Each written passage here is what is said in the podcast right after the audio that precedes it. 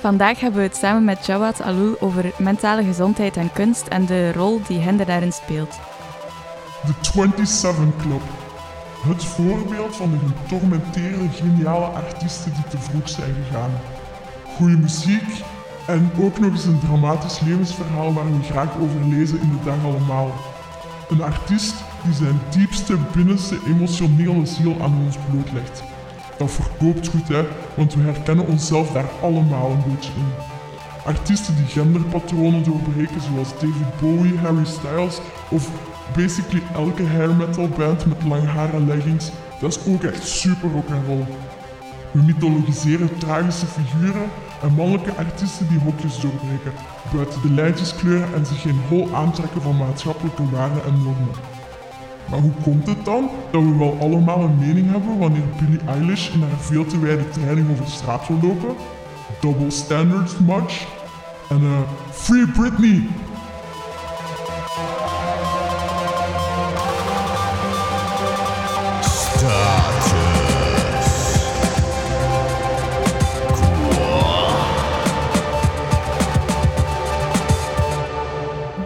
Goeiedag, goedemiddag aan al onze luisteraars. Ehm, voordat we beginnen gaan we nog even kort een eh, kleine disclaimer geven. Dus uh, zij die daar graag informatie nodig hebben of nood hebben aan een luisterend oor, uh, jullie kunnen altijd terecht bij, voor jongeren is dat dan voor WatWat, JAW, um, bij het CLB aan de school. Maar voor anderen, jullie kunnen ook sowieso terecht bij het CAW, de zelfmoordlijn, de drugslijn en andere zaken. Um, ja, dus uh, vandaag zetelen we met de befaamde podcaster, theatermaker, muzikant, activist en nog zoveel meer. Jawad, welkom. Dankjewel. Heel fijn dat je er bent. Ja, ik vind het ook heel leuk. Kijk, top. We ja. zijn nog maar begonnen. Ja, echt, hè? maar ik vind het leuk om eens aan de andere kant te zitten, om eens ge geïnterviewd te worden voor een podcast. Dus uh, shoot. Stel jezelf maar eens voor. Ja, ik ben 35, ik kom uit Antwerpen, ik ben kunstenaar en ondernemer. Uh, en ik werk graag met thema's zoals gender en seksualiteit, um, religie, um, eigenlijk alle lagen in mijn identiteit die voor frictie zorgen, uh, maar die mij ook wel een heel groot speelveld geven om over te spreken. Ja, tof. Um, ja, onlangs is een nieuw album uitgekomen, Messias. Mm -hmm. Proficiat trouwens. Dankjewel. Um, kunt je daar ook een beetje meer over vertellen? Over wat dat uh, allemaal inhoudt, wat dat betekent voor u? Messias is uh, een beetje zo wat de, mijn uh, twintigers in een album samengepropt. Omdat ik in mijn twintigers enorm op zoek was naar een Messias. Of naar iemand die mij zo de weg ging wijzen. En dikwijls waren het dan uh, heel toxische, romantische relaties waar ik op narcisten dan verliefd werd. um, en die mij dan uh, gekwetst achterlieten. En na de zesde narcist dacht ik, uh, misschien moet ik toch wel beginnen hier iets mee doen of zo. Met die lessen.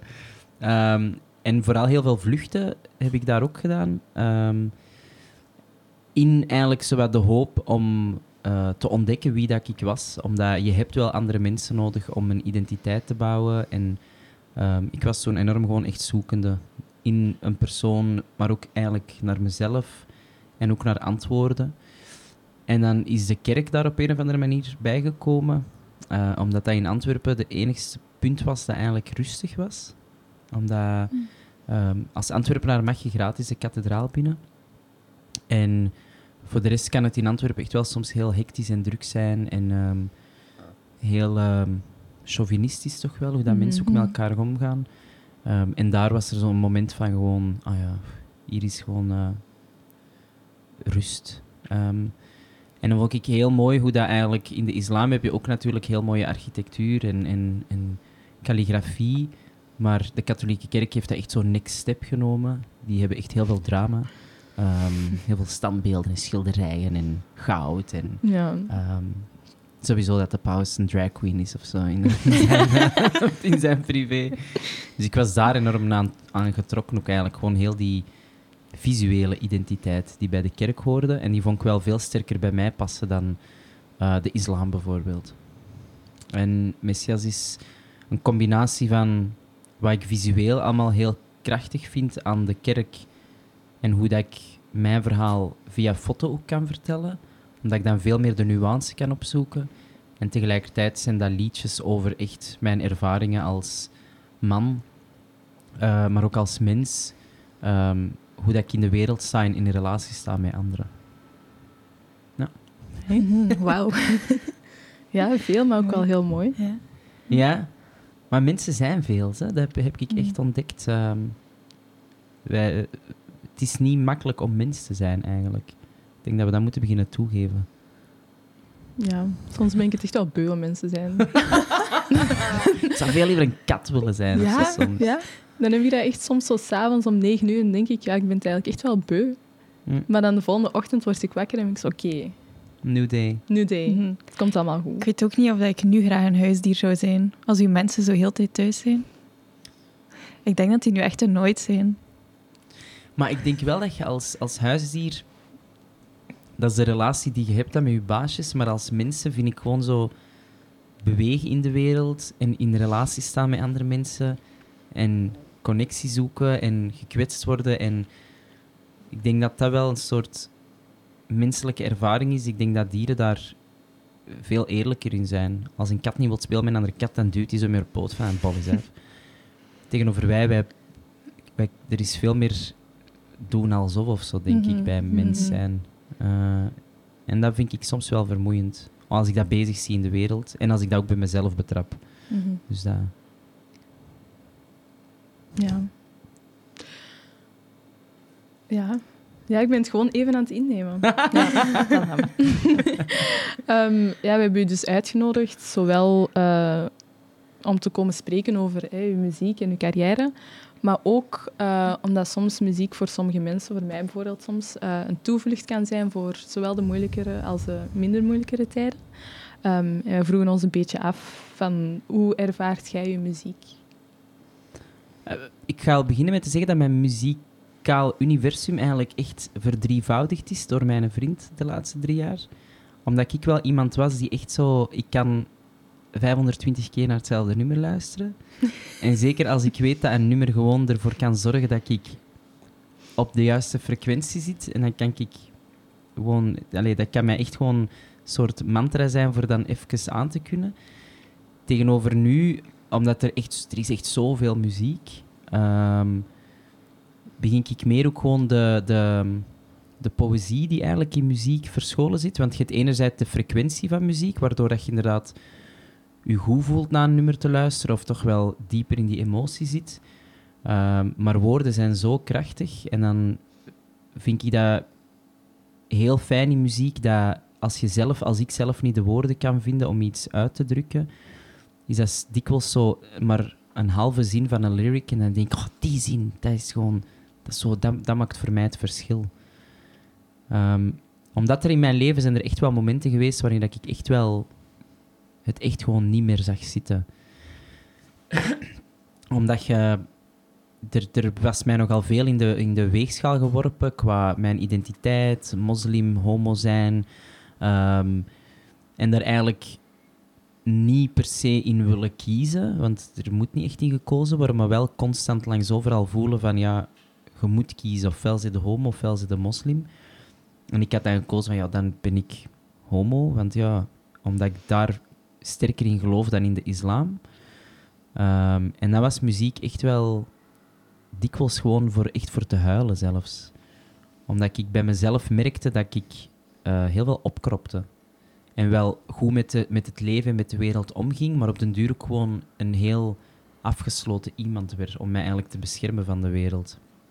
En dan ben ik blij dat ik echt muziek heb gehad die, die eigenlijk gewoon mij heeft gedwongen om echt gewoon te blijten, gelijk als een klein kind. Ehm, en dat vind ik net de kracht van muziek eigenlijk. Om inderdaad je goed te voelen, maar om ook echt gewoon echt, ja, echt gelijk zo te snikken, gelijk een klein kind. Omdat Mhm. mensen vergeten dat dat...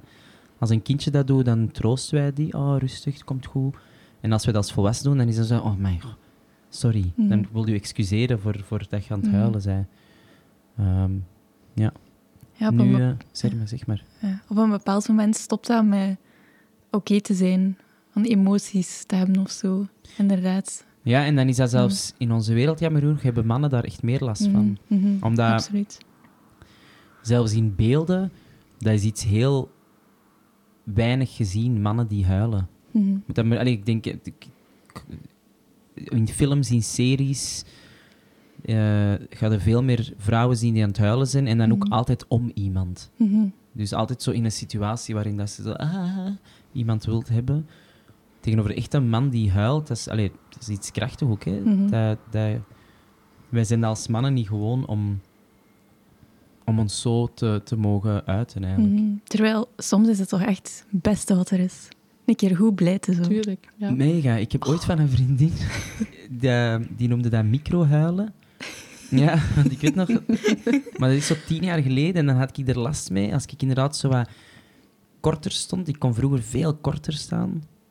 En dan zei ze van, voor mij, maar misschien moet je gewoon eens huilen. Ik zeg, nee, ik heb, ik heb helemaal geen nood om te huilen. Ik heb niks om om te huilen. Zo dat constant ook willen Mhm. goed spreken. En zei ze, wel, soms moet je gewoon microhuilen. en ik zo, wat is microhuilen? En zei ze, ja, gewoon zo eens echt vijf minuten. Zo ik zo, en dan gewoon, oké. En dan op den duur dacht ik, ja, nee, dat zijn toch gewoon labiel. En dan dacht ik, ja, maar misschien is iedereen gewoon een beetje labiel en geef je dat niet toe. En heb je soms dat huilen nodig om Mhm. inderdaad wel gewoon zo, die druk is er even af. Oké. Maar ja, inderdaad. Microhuilen op commando. Ik heb dat echt al Nee, op gedaan. commando. ik denk niet dat dat op commando is, maar dikwijls... Wij voelen als wij willen huilen. Hè, en dan, Mhm, mhm. Ik heb dat ook dikwijls. En dat je dat dan wel zo... Come on, no. It's okay. Nee, Dan niet huilen. Dat bij je eigen ook zo zeggen. Dus je bent bijna thuis. Keep it together. Ja. Maar ik denk dat dat iedereen kent. Mhm, Dus dat, mhm. ik denk dat zij dan... Allee, ik weet dat zij bedoelde van... Maar you don't have to keep it together. Mhm. Want door dat Ja. altijd keep it together, zit je eigenlijk ook de hele tijd gewoon iets aan het onderdrukken. Ehm, en ik heb dat niet alleen bij huilen opgemerkt, ook bij, bij echt gewoon zo... eh, zelfs als je gelukkig bent, wij kunnen dat ook onderdrukken, ons geluk. Dan zijn we wel zo... Ha. Maar een kind, als dat gelukkig is, hij zegt zo... Die, ja, die roepen dat echt gewoon van de daken. Hè? Mhm. We hebben precies zo geleerd om alles toch wel zo gematigd te doen. Zo. Mhm. Ja, maar is dat niet zoiets typisch aan Vlamingen dan misschien specifiek? Om zo alles zo te relativeren? Allee, bijvoorbeeld ook met, met artiesten zo. Als allee, in België zijn er veel goede muzikanten, artiesten. En ik heb het gevoel dat die altijd zo een beetje op hun plaats gezet worden. Zo van, ja, maar die, die moeten niet te zelfzeker eh, doen of zo. Of ja, die zijn wel goed, maar... oh, allee, een beetje bescheiden blijven zo. Ja, Dus ik noem de dat... blijheid mag nooit zo te groot zijn of zo. Nee, inderdaad. Ja, ik weet niet of dat, dat iets Vlaams is, maar ik merk wel dat dat in Vlaanderen wel harder voorkomt, inderdaad. Zo'n Mhm. beetje valse bescheidenheid. Mhm. Ehm, het is wel grappig, want ik had gisteren met een vriendin daar een gesprek over. Terwijl dat eigenlijk, natuurlijk, ik probeer ook bescheiden in het leven te staan. Ehm, naar mensen toe. En, en als, ik, als ik gewoon beweeg in de wereld, hè, niet zo rond te wandelen alsof dat je zo, ja, kijk. Ehm, maar ik vind, als je iets hebt verwezenlijkt, hè, stel bijvoorbeeld, je hebt zeven jaar gestudeerd aan de UNIF. Mhm. Fuck bescheidenheid. Maar ja, Dan heb je echt zeven jaar gewoon echt je kloten afgedraaid. Waarom zou je daar bescheiden over doen? Mhm. En stel dat je, bijvoorbeeld, ik, ik neem met mijn album, ik pak daar echt heel veel kracht uit van, ah ja, we hebben dat uit, op ons eigen label gebracht. Dat is echt gewoon, eh, dat zijn momenten dat je eigenlijk wel genoeg tegen jezelf moet zeggen van, oké, ik, wij hebben dit gedaan, good for me. Mhm. Want dan, dan is bescheidenheid net iets heel toxisch. Van ja, nee, maar, maar ja, iedereen kan dat doen. En het is oké. Zolang dat je niet naast je schoenen Mhm. begint te lopen, moeten, echt wel, moeten wij als Vlamingen wel durven gewoon zeggen van, amai. Mhm. En dat is inderdaad dikwijls als er dan... Dan trekken die naar het buitenland, die artiesten, en dan hebben ze zoiets van, oh, dat is van ons, hè, dat is van ons. En dan denk ik, ja, nu is al te laat, hè, nu zijn ze vertrokken. Dus dat is wel, ja, is dat Vlaams? Ja, toch wel, denk ik, een beetje harder, Mhm. ja. Ja, nog even om terug te gaan op iets dat je eh, daarnet zei. ehm, dat je zo moest kiezen te- ja, tussen bepaalde aspecten van je identiteit dan. Zijn er dan ooit artiesten geweest die voor u zo ehm, een soort van inzicht of doorbraak gaven van ik moet niet kiezen, ik kan alles RuPaul. zijn. Maar, dat is echt, maar het ding is, ik ken RuPaul nog voordat RuPaul's Drag Race was. Ah. Want, ja, want Mhm. RuPaul's, RuPaul van RuPaul Drag Race is al Mhm. een hele andere RuPaul. Mhm. Ehm, want RuPaul gaat echt al even mee, hè. Ja. En je moet weten, in de eh, Afro-American community is being gay en een drag queen is ook nog niet... Het is niet dat de familie daar zat te klappen in hun Mhm, handen van, mhm. jee, mijn zoon is een drag queen. Mhm. Ehm, dus wat zij deed in de jaren 90 was ook echt gewoon... Ja, dat was echt gewoon zo ehm, vooruitstrevend, is niet, is niet het juiste woord, maar echt gewoon... Ja, die was niet bezig met soort eh, structuur van mag dit, kan dit ehm, en hoe gaat de wereld hierop Mhm. reageren. Die had gewoon zoiets van, ja nee, ik voel gewoon dat ik deze moet doen en ik zal dat zo goed mogelijk proberen doen. Mhm. Ehm, en ik merk ook wel dat ik daar nu ben eigenlijk. Ik ben nu 15 jaar uit de kast. En ik ben echt op een punt waarin dat sommige gesprekken begrijp ik ook oprecht niet meer. Zo, ja, kan je homo en dingen zijn? En ik, natuurlijk kunnen dat. Allee, ik bedoel, het is geen water en olie, hè. dat drijft Mhm, niet op elkaar mhm. of zo. Hè. Het is gewoon, eh, Dus ik ben blij dat ik daar ook eigenlijk wel heb durven instappen ondernemen, 15 jaar geleden. Door Mhm. wel te zeggen van, oké, luister naar die innerlijke stem. Mhm. Al is die mega onzeker, ehm, die is veel belangrijker dan wat uw omgeving zegt. Mhm. Ja, want de omgeving zegt inderdaad nog altijd heel vaak, en ik vind dat ook nog altijd bizar om te blijven horen, dat het niet beide kan. Want dat beeld, bijvoorbeeld, als het dan gaat over eh, de islam, dat is oncompati- niet compatibel, gewoon zo gezegd. Terwijl, ja, dat dan het, eh, ja, het witte Westen, dat zo gezegd, als zo'n safe haven wordt eh, ja, beschreven bijna. Van hier zijn ja, de LGBT-community is hier welkom en veilig. Terwijl dat Mm. ook ja, onlangs nog maar een keer duidelijk ge- geworden is, zelf hier in België dan. In, In Beveren, Beveren. ja. Maar niet alleen in Beveren, allee, eh, in de voetbal lopen er ook nog geen enkele homo rond. En, Hm. en ik denk ook in de islam is gewoon een soort microcultuur van wat er in de bredere samenleving heel hard aanwezig is. En dat is een angst voor ehm, toch wel alles wat vrouwelijk is eigenlijk. Mm, En mhm. vooral alles wat vrouwelijk is en in, in, in haar kracht staat. Hm. Want je hebt bijvoorbeeld in onze samenleving je hebt ook heel hard misogynie. Hm. Hè, vrouwen die een bepaalde functie in onze samenleving hebben, die kunnen echt wel veel harder aangepakt worden dan hun mannelijke collega's. Dus er is echt wel gewoon een angst van woman power of power driven Mhm. by Mhm. femininity. Mhm. En homomannen zijn daar gewoon een heel harde uitvergroting van, want dat is eigenlijk wel een man, Mhm. maar ja, die is eigenlijk gewoon bloed eerlijk over, ja, ik, vind, ik ben gewoon aangetrokken tot mannen. Dus dat is voor veel mensen, denk ik, gewoon echt angstaanjagend, confronterend, discriminerend. Zo van, Mhm. fuck, mij, maar wat zegt dat over mij als man en hoe sta ik dan in verhouding Mhm. tot u? Omdat heel veel mannen, want het is wel een mannenwereld, heel veel mannen hebben wel nog een soort gedateerde structuur in hun hoofd waarin dat zij boven een vrouw staan, waarin Mhm. dat zij moeten vechten met een man om te zien wie de sterkste is. Dus dat zijn allemaal van die bekend ja, achtergehaalde gedachten die wel nog in ons systeem zitten. In een moderne samenleving waarin dat je ineens een homo-man hebt die eigenlijk veel zelfzekerder is. Mhm. Dus zo'n heteroman, denk ik, heeft dan ook... Dat, dat, dat geeft gewoon te veel... Ja... ehm, te veel... eh, troebel in zijn hoofd van... Wat, huh, wat is deze en wie ben ik dan als man? En moeten wij nu beginnen vechten? Wie is dan de sterkste? Mhm. Dus dat- ik denk dat er heel veel mannen, mensen daar gewoon echt in de knoop geraken. Omdat Ja. dat ook gewoon... ehm, seksualiteit en gender zijn echt grote thema's. Mhm. We hebben daar zo Ja. vakjes voor gemaakt, maar dat is eigenlijk echt gewoon... Dat is heel complex. Mhm. Ja, ik had daar eh, toevallig gisteren nog met mijn huisgenoot eh, een gesprek over ook.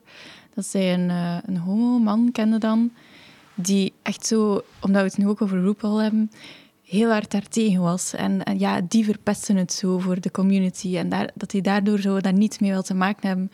En dan zei zij zo van, ja, dat is zo keihard geïnternaliseerde homofobie eigenlijk. Maar ik stel mij dan altijd de vraag, hoe graag ziet die man de vrouw in zijn leven? Want die is gewoon...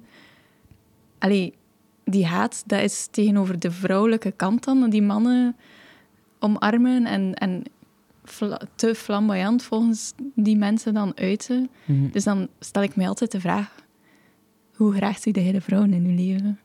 Dat is echt zo een kwaadheid inderdaad op vrouwen, een vrouwelijkheid. Mhm. En een angst daarvan ook. Maar omdat vrouwelijkheid wordt gezien als zwakte, hè? Mhm.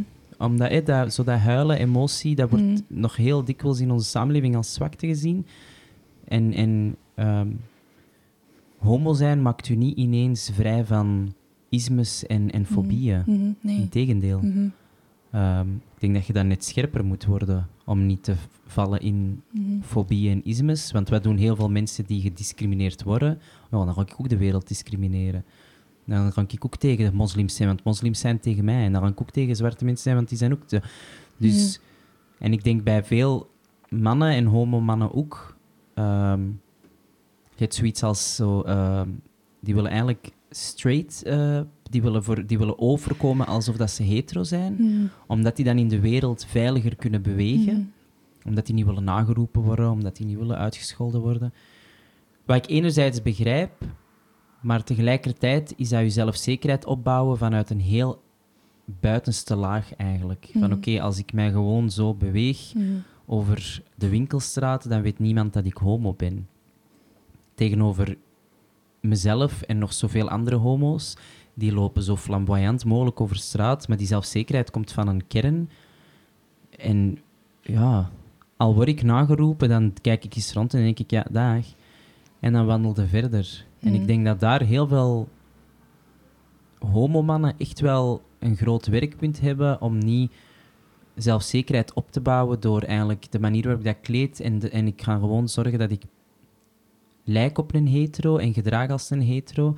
Dan denk ik, oei, maar dan zit je niet met zelfliefde bezig. Dan zit je eigenlijk gewoon uit bescherming Mhm. de verwachtingen van een ander aan het invullen. Mhm. En dan naar vrouwen toe is dat gewoon echt... Dat is alweer... Dat is gewoon wat er in die bredere samenleving heel hard ehm, aanwezig is. Hè. Mhm. Het is echt nog maar 50 jaar dat vrouwen eigenlijk een stem hebben. Hè. Dus dat, dat is iets dat, dat wij ons eigenlijk soms precies niet zo bewust zijn, omdat we altijd makkelijker vinden om naar de islam te kijken en zeggen van, maar zij zijn vrouwenvriendelijk. Mhm. Pa, dat, is, dat, dat uit zich in een andere manier, Mhm. maar wij zijn even vrouwenvriendelijk in het Westen. Ja, dat doet mij er ook aan denken dat eigenlijk zo dat met de vinger wijzen, zo van oh, de islam, zie wat dat die daar allemaal aan het doen zijn, dat dat keihard onderuit kan gehaald worden als je zo kijkt naar ehm, de, het beleid rond ehm, migratie, wat dat ehm, ja, mensen die op de vlucht zijn op basis van hun geaardheid, wat dat die allemaal moeten ondergaan om hier binnen te komen. Hmm. En het zogezegde ja, Ja, safe haven voor, eh, voor, voor die soort mensen. Allee, Maar dat zijn niet onze mensen, hè? daarom dat het Jawel, niet safe ja. haven is. dan, dan wordt dat keihard onderuit gehaald, want dan, dan zijn we plots niet meer zo tolerant en zo, Hm. zo open voor, eh, voor de LGBT-community. Dan, dan eh, ja, de vragen en de, de procedures dat die moeten doorstaan, zijn echt ont, ontmenselijkend gewoon. En dan denk ik dat het vooral belangrijk is om hier ook naar onszelf te kijken en niet te wijzen naar, oh, maar zie hoe vrouwen vriendelijk of hoe homo-hatend dan die daar zijn. eh. dus... Maar we zitten in een rare tijd, omdat heel veel mensen blijven erbij dat LGBT een agenda is. hmm.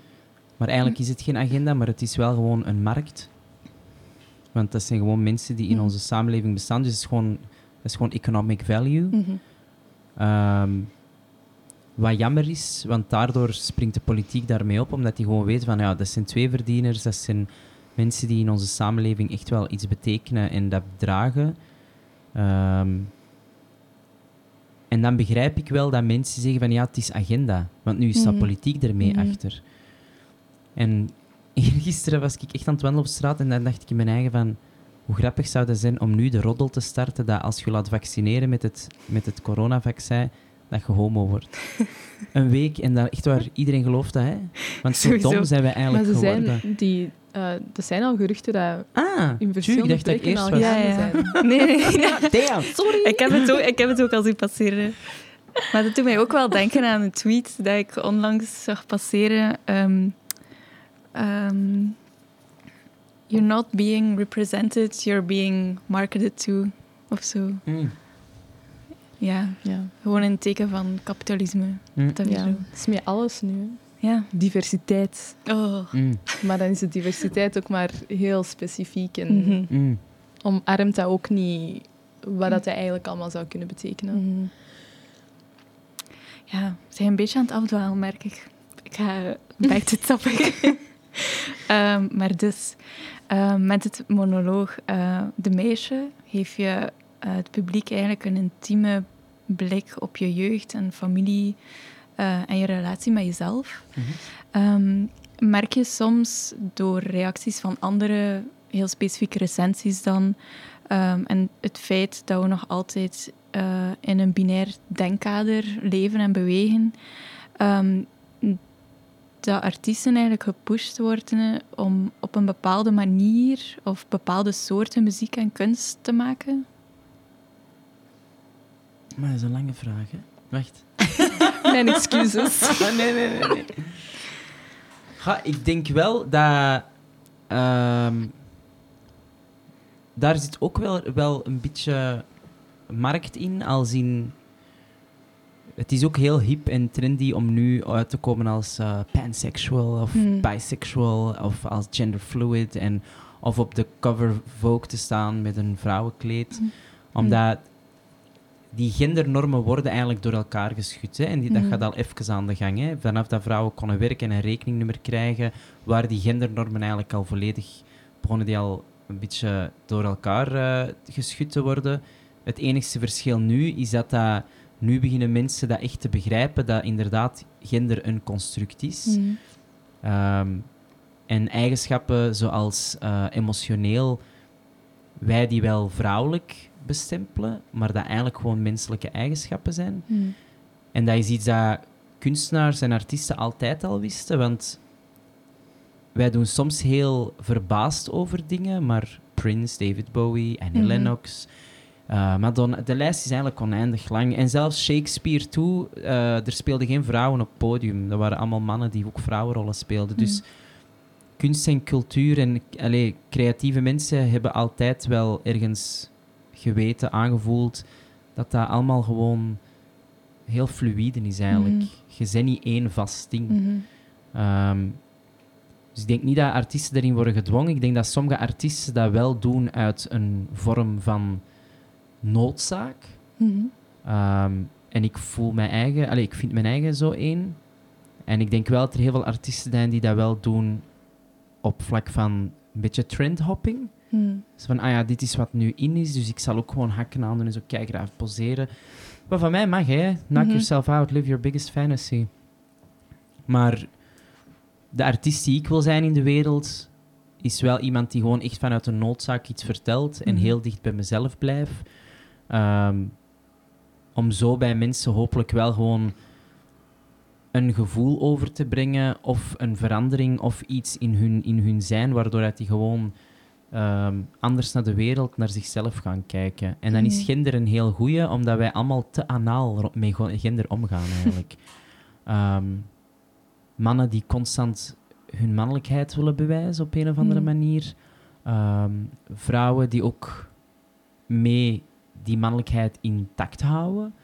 Door te zeggen, ik moet geen man hebben die haalt ze. Hè. Zo van, oei, mij, leuk hoor. Snap je? Dus dat is echt gewoon, dat is heel gevaarlijk van die, van die heel stereotype rollen die worden blijven verstikkend Mhm. vastgehouden. Van oké, dit is wat het is om een vrouw te zijn. Ehm, terwijl dat eigenlijk, als mensen daar veel losser mee zouden omgaan, met al die gendernormen en gendervakjes, dan zijn echt wel een meer gebalanceerd iemand. Want Mhm. je bent niet het een of het ander. Je bent eigenlijk alles. En afhankelijk bij wie je bent, ik ook, denk ik soms veel vrouwelijker, omdat ik mij dan super veilig voel. En bij andere situaties ga ik toch ook inderdaad. Dus je kunt niet één vast ding zijn. Mhm. En dat toegeven tegen jezelf van. Ik ben zoekende Mhm. en misschien blijf ik zoekende voor de rest van mijn leven, is soms ook gewoon echt verfrissend. Mhm. En wij hebben precies de laatste jaren zo willen focussen op ik ben hetero en ik val op die soorten mensen. En zodat dat alles willen eh, in vakjes stoppen, maar op zo'n Mhm. manier dat je gewoon geen bewegingsvrijheid Ja. meer hebt. En ook dat dat dan voor de rest van je leven zo moet blijven. Ja. Vooral.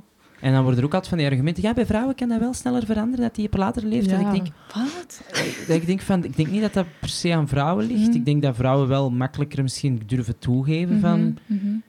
Ehm, dat is grappig, want Grace Jones is een artiest dat ik heel erg bewonder. Mhm. En die zegt dat ook in een, in een interview.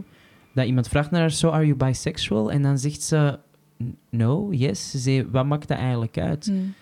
Zo, ja, maar ja, voel je je aangetrokken tot vrouwen? En ze zegt, ja, ik ben zelf vrouw en ik vind mezelf een aantrekkelijke vrouw. Natuurlijk ben ik dan aangetrokken tot knappe vrouwen. Mhm. En dat is echt het probleem, wel soms bij mannen, dat, dat veel vrouwen wel makkelijker kunnen toegeven. Er zijn zoveel mannen die zo, kan niet zeggen dat een andere man knap is. Iedereen weet wat schoonheid en esthetiek Mhm. is. Natuurlijk kun je misschien niet aangetrokken zijn fysiek tot een andere man, maar dat ook zo... Dat alles van homoerotiek willen ontkennen in Mhm. jezelf. Terwijl zo, No ja, maar dat- homo. ja, dat is zo, dat is, what are you trying to prove? Ja. Want dat, de, de. De no homo, dat mogen we achter ons laten. Ja, echt. maar je hebt Yes, zo nu homo. super straights ook? Oh my god. Dat is toch ook iets dat zo nu... Oei. Ja. Daar Oh. weet ik nog niks over. Ja, dat is... Dat is oh, de cringe is zo groot bij Ja. alles wat ik lees daarover. Dat is, maar dat was dan specifiek omdat die wilde benadrukken dat ze enkel op cis-vrouwen vallen dan, Ja. dacht ik. Ja, ja dus eh het is gewoon next level willen Domheid. vasthouden. Ja, domheid ook, zeker.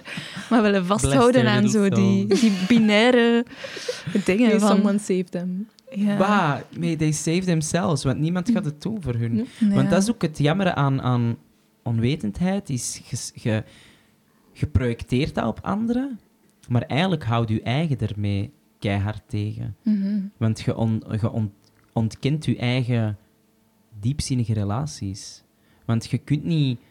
Tuurlijk kunnen diepzinnige relaties hebben met mensen die exact hetzelfde als u zijn, maar die brengen geen, die brengen geen ander alternatief of zo. Die brengen niks nieuw naar de tafel. Dus dan zit je constant zo, mooi blauw, hè? ja, mooi blauw, hetzelfde blauw. Wij zien constant hetzelfde blauw.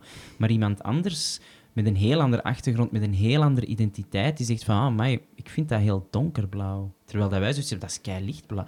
Dus dat, dat is zelfs niet verrijkend. Dus dat, onwetendheid is schadelijk voor de wereld, maar ook vooral voor de persoon die onwetend is. Ik denk dat dat vooral voor de persoon zelf echt, ehm, ja, qua verrijking, qua geest, is dat echt gewoon 0,0. Mhm. En, eh, maar het feit dat er toch zo hard wordt vastgehouden aan die binariteit, moet toch zijn dat er iemand daar, ehm, ik weet niet, het voordeel uit haalt. Wie denkt je dat er dan het voordeel haalt daaruit aan de status quo van die binaire samenleving?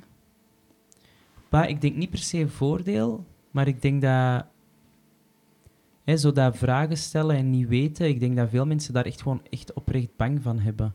Hm. Ehm, en angst kijkt ofwel diep in de ogen en gaat het erdoor. En ik denk dat heel veel mensen, als het komt op vlak van gender, echt gewoon heel bang zijn om, om dingen te voelen misschien. Of om, om gewoon niet gewoon een antwoord te kunnen op, op iets hebben. Mhm. Ehm, en ook, ik denk dat echt gewoon, dat is echt ons aangekleerd om, om inderdaad heel binair te denken. Hm. Ehm, en ik denk dat het ook wel gewoon een binaire wereld is. Je hebt een positief en een negatief, je hebt een mannelijk en een vrouwelijk in de natuur ook. Het is een binaire wereld, maar ik denk net als, als mensen kunnen, hebben wij wel nog altijd gewoon de vrijheid om daartussen te bewegen. Mhm. Maar zelf in de natuur is de variatie zo groot. hè. Mm. Dus, ja. En wie is er dan het grootste slachtoffer eigenlijk van die binaire wereld, denkt je? Ehm, vrouw van kleur Hm. en LGBT, denk ik toch wel. Omdat we... ehm, ik denk dat je niet moet onderschatten dat zelfs dus in die culturen die dikwijls worden op neergekeken, zoals de islam of zoals de zwarte cultuur, is het wel zo dat binnen in die cultuur zijn er veel ehm, strengere gendernormen tussen man en vrouw. Ehm, en die hebben eigenlijk de, de, de toxische mannelijkheid van de mannen in hun eigen cultuur En dan nog eens de toxische mannelijkheid van eigenlijk die witte mannen die hun ook eigenlijk zien als een slachtoffer. Ehm, en voor LGBT ook zeker, LGBT gelijk mij met een, met een eh, meer lage identiteit, die ook islamitisch is of, of Maghrebijns of noem maar op. Je moet eigenlijk, ik moet opboksen tegen de homofobie en de misogynie binnen die islamitische Marokkaanse cultuur. Ehm, en dan moet ik mij rechtvaardigen tegenover die westerse cultuur die mij eigenlijk wil recupereren, rechtsnationalisten. Terwijl dat die zelf ook nog evenveel last hebben van homofobie en Mhm. misogynie. Mhm. Dus dat is voor, voor mensen, vrouw van kleur en LGBT van kleur, is dat echt een heel trippy ervaring om niet inderdaad Mhm. ook rechtsnationalistisch te worden. Mhm. En ook inderdaad zeggen, het zijn allemaal die vreemde culturen. Mhm. Want het zijn allemaal dezelfde structuren eigenlijk. Het zijn allemaal dezelfde eh, mechanismes. Mhm. Maar bepaalde culturen houden nog vaster aan traditie, waardoor dat die mechanismes gewoon zich anders voordoen. Ehm, maar hier in het Westen vertalen die mechanismes zich ook nog, want vrouwen en mannen zijn bijvoorbeeld nog altijd niet gelijk betaald. Mhm. Dus dat is ook eigenlijk een heel duidelijk bewijs dat er een gigantische ongelijkheid is. Mhm. Ehm, dus er, daar, er verschilt voor het, voor, het, ehm, voor het ongetrainde oog lijkt het alsof dat inderdaad moslima's het veel zwaarder hebben.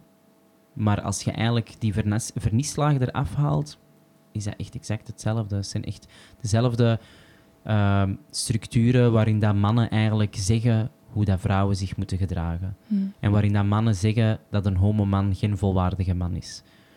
En dat zijn nu op zo'n flessen getrokken, maar dat is eigenlijk waar het op neerkomt. Mhm. Dat zo, mannen willen eigenlijk nog altijd kunnen zeggen ja, hoe dat de wereld moet bewegen, zodat zij zich eigenlijk op hun gemak voelen. Mhm. Ja.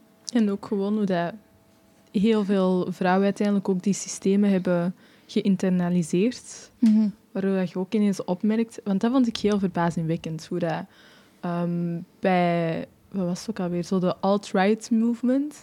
Dat er ook heel veel witte vrouwen achter staan. En dat zij juist de beweging hebben gemaakt naar zo'n grote ja, movement, zal ik het maar noemen.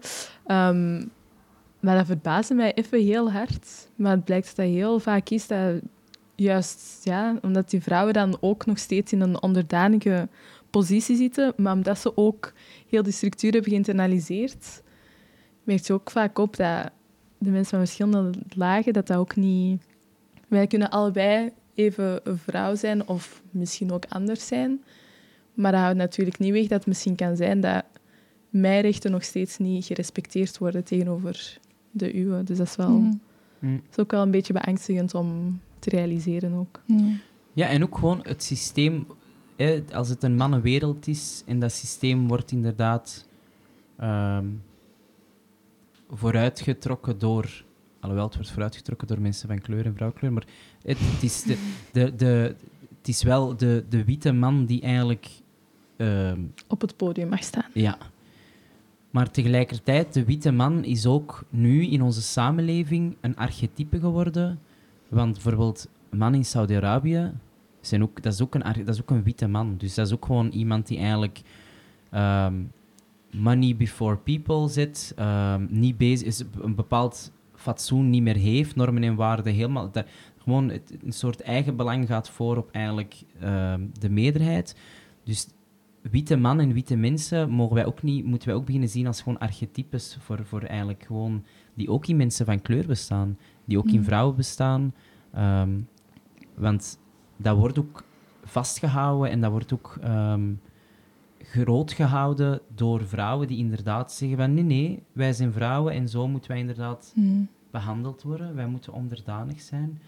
Omdat inderdaad geïnternaliseerd en ook omdat wij dat eigenlijk geschiedkundig langer hebben gekend dat het zo was, dan dat het ehm, gelijkheid was. Allee, of zover dat we ons kunnen herinneren, want er zijn heel, wat- voor hetzelfde geld was daarvoor nog een tijd dat wij ook een matriarch hadden, zeggen er ook heel veel mensen. Maar onze memory gaat niet zo ver. Dus dat weten wij eigenlijk niet. Wij, de geschiedenis die wij kennen is wel een geschiedenis die voornamelijk wel gewoon gedragen is door het patriarchaat. Mhm. Heel duidelijk een vaderfiguur van boven. Dus dat, voor dat, eigenlijk, dat is eigenlijk ook die gendernormen die zijn aan het veranderen. Gevoel dat dat aan het daveren is, maar daar hebben eigenlijk evenveel mensen baat bij. Dus evenveel mensen gaan dat ook gewoon blijven vasthouden. Dus dat is, vind ik nu soms een beetje het vieze. Omdat ik, ik denk dat dat, dat dat nog even gaat duren. Hè? Ik, denk niet dat, eh, ik denk wel dat er veel meer kleinere communities gaan opstaan. En dat wel mensen zich zijn aan het sterker maken. Mm. Maar dat is niet iets dat ineens zo ehm, gaat veranderen of zo. Mm. Ik denk ook niet dat gelijkheid. ehm, ik, denk, ik denk dat gelijkheid ook maar gewoon een illusie is. Ik denk dat gelijkwaardigheid, daar kunnen we echt wel naar streven. Mm. Maar gelijkheid, dat, ja, dat kan niet, want ja, ik, ik, ik kan muziek maken en theater over mijn leven. Er zijn mensen met mijn leven die echt letterlijk moeten bang hebben dat ze niet van een gebouw worden geduwd. Dus gelijkheid bestaat niet. Gelijkwaardigheid, daar, daar kunnen we wel naar streven. Mm.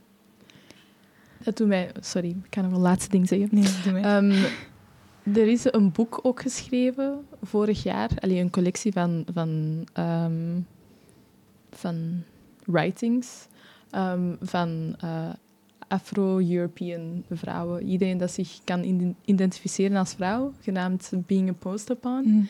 En Helene de Beukelaar, Ah, haar stuk ging over gelijkheid en over wat dat hij eigenlijk betekent. En dan stelt zij ook de vraag van, is dat wat dat we naartoe streven? Want eigenlijk die gelijkheid, of de erkenning vooral, eens dat we die erkenning hebben, wat, wat komt er nog? ja. Ja. Dus dat vond ik wel een heel Hmm. fijn Ja. stuk om te lezen. Ja, gelijke kansen in zo'n scheve samenleving heeft niet als resultaat gelijke uitkomsten voor iedereen, natuurlijk. Nee, maar ik denk zelfs los van die samenleving, als je, eh, je zit in een ruimte en die ruimte moet opgekuist worden, natuurlijk kan je eh, de idealist zijn en denken van ineens gaat iedereen gewoon weten wat hij moet doen en binnen een uur is deze ruimte opgekuist. Nee. Er gaat duidelijk één iemand wel even moeten zeggen, oké, wat gaan we doen? Jij die dozen, jij dat, eh, jij dat, oké, go. Daar is niks mis mee met die structuur, dat er een leider is. Daar is helemaal niks mis mee. Maar je hebt, je hebt verschillende soorten leiders. En wij hebben nu een overaanbod aan leiders die echt gewoon ehm, niet bezig zijn met de groep. Die wel de groep nodig hebben om, om hun boodschap de wereld in te krijgen. Zichzelf bovenaan, vooraan zetten als de machtige. Dus er, er is, moet gewoon een ander soort leiderschap komen. Waarin dat je, want daar, natuurlijk is er ongelijkheid. Want je hebt mensen gewoon, je hebt volgers en je hebt leiders. En je hebt Mhm. mensen die, je hebt werkers en je hebt meer de, de mensen. Iedereen heeft wel een eigenschap voor in de wereld te brengen. Maar nu krijgen veel te veel mensen eh, bijna een eigenschap bij de geboorte. Van, ah, jij bent een migrantenkind, jij gaat gewoon in een fabriek werken, want dat is your destiny. Ja, nee. Voor hetzelfde geld kan dat ook gewoon iemand anders worden. Dus dat mensen daar ook gewoon wel een gelijke keuze in kunnen Mhm. krijgen. En dat hebben we al, maar ik vind het raar om te zien, ik ben 35, mijn oudere broers en zussen en mezelf werden gedwongen om naar het beroepsonderwijs te gaan. En ik hoor bij mijn neefjes en nichtjes terug die verhalen, waarin dat je eigenlijk gewoon een, een jongere hebt die twijfelt, en waarin dat je een schoolsysteem hebt dat eigenlijk gewoon zegt, ja, moet je naar het beroepsschool, hè. Ja, dan is er iets fout met dat systeem. Want Mhm. natuurlijk mag een jongere twijfelen. Mhm. Je moet gewoon de vragen, juiste vragen stellen, want het is een grote vraag. Wat wilde jij voor de rest van je leven doen? Ik ken mensen die pas op hun 35ste hebben eigenlijk zo het licht gezien van, Mm. maar deze wil ik voor de rest van mijn leven doen. Dus da, da, daar zitten zoveel fouten in. En dat, is, dat, dat zijn die ongelijkheid die er wel uit moeten. Ja. Maar voor de rest denk ik dat het net wel bijna natuurlijk is. Je ziet dat bij dieren ook, dat er wel... Ja, je hebt wel leiders nodig. Mm. Want anders lopen we echt allemaal de afgrond in, denk ik.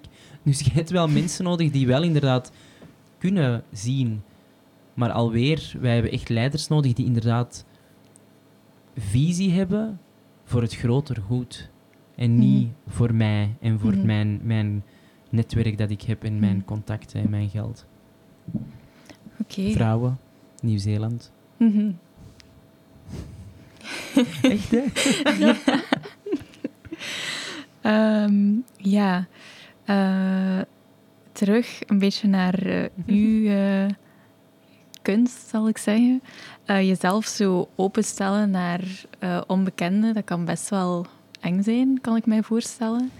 Ehm, hoe ga je daarmee om? En waar vind je dan zo de kracht om dat toch wel te doen, iedere keer? Ja, Mother Nature zou ik zeggen. ja, ik, dat is echt, ik zou graag echt daar een, een kei groot antwoord op willen geven, maar dat heb ik eigenlijk niet. Ehm, ik denk dat ik gewoon uit een bepaald hout ben gesneden. ehm,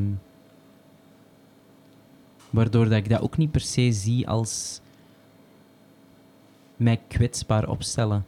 Want ik denk dat, dat wij gewoon misschien ook een ander woord voor kwetsbaar moeten hebben. Hm. Want wat ik wel doe, is mijn hart openen.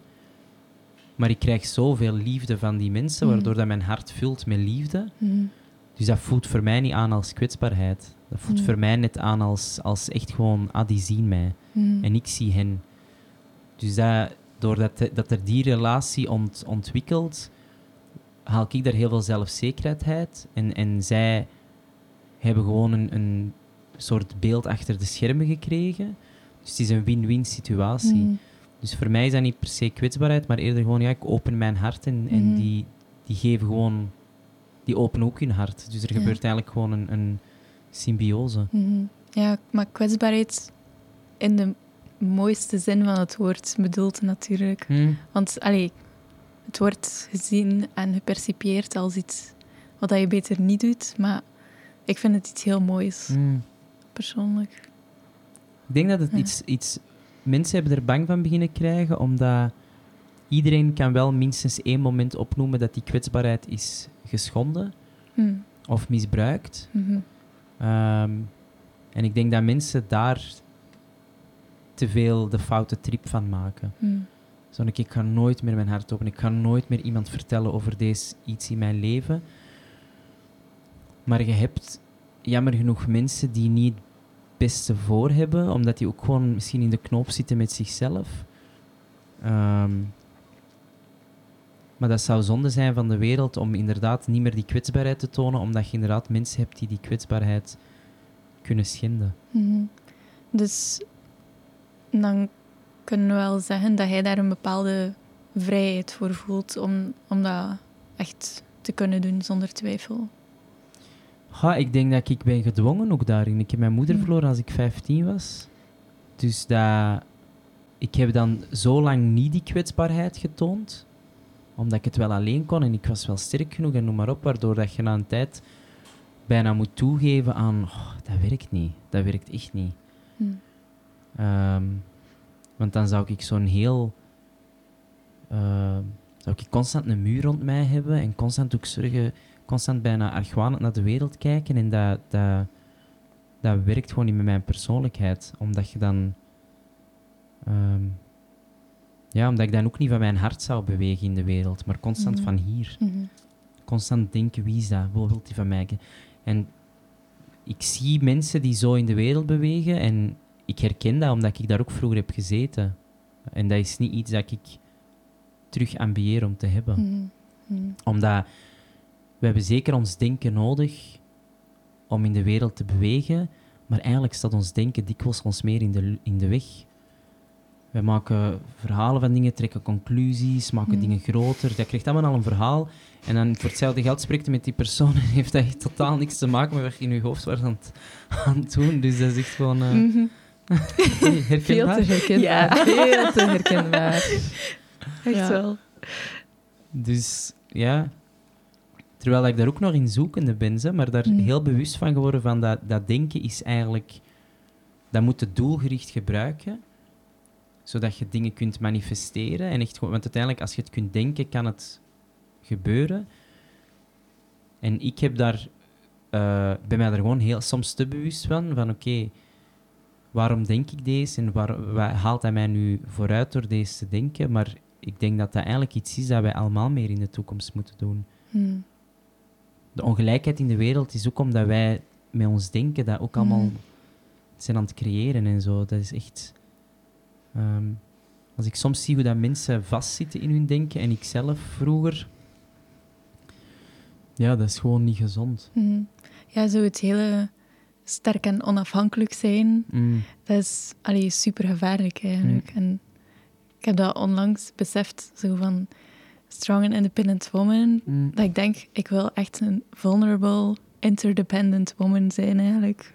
Je moet Kautar Darmoni dan volgen. Ah, die Dat ken ik een- niet. Dat is een dokter, ehm, maar die geeft ook zo eh groepsbewegingssessies met allemaal vrouwen. Hm. Omdat hij net eigenlijk motiveert van zie, uw vrouwelijkheid, uw kwetsbaarheid is net uw kracht, maar we gaan daar wel een soort ehm, eh, mannelijkheid achter zetten, want je hebt die beide nodig. Mhm. Want wat, wat er inderdaad veel is gebeurd het laatste jaar, is inderdaad zo strong independent woman en, en boksen. En, snap je zo? Mhm. Heel dat vrouwelijke eigenlijk opzij zetten voor inderdaad gewoon een soort... Je moet paraat staan voor het gevecht, je moet Mhm. altijd klaar staan, je moet kunnen incasseren. En waarin dat zij zegt van oké, dat kan er ook zeker zijn, maar dat vrouwelijke, die, die, dat emotionele, dat, dat wat vrouwelijk inderdaad, wat vrouwen toch bijna van nature hebben, mo- moet net gekoesterd worden, want Mhm. dat is ook kracht. Mhm. Ik bedoel, een vrouw die bevalt, als dat geen oerkracht is, dan weet je het ook niet. Hè? Snap je? Dus dat, is- dus dat zijn allemaal van, Ja. die, van die mythes van ja, nee, vrouwen zijn zwak. Ja, nee. Ik bedoel, dat is oerkracht, dat is gewoon een oerknal eigenlijk, dat je gewoon getuige van bent. Mhm.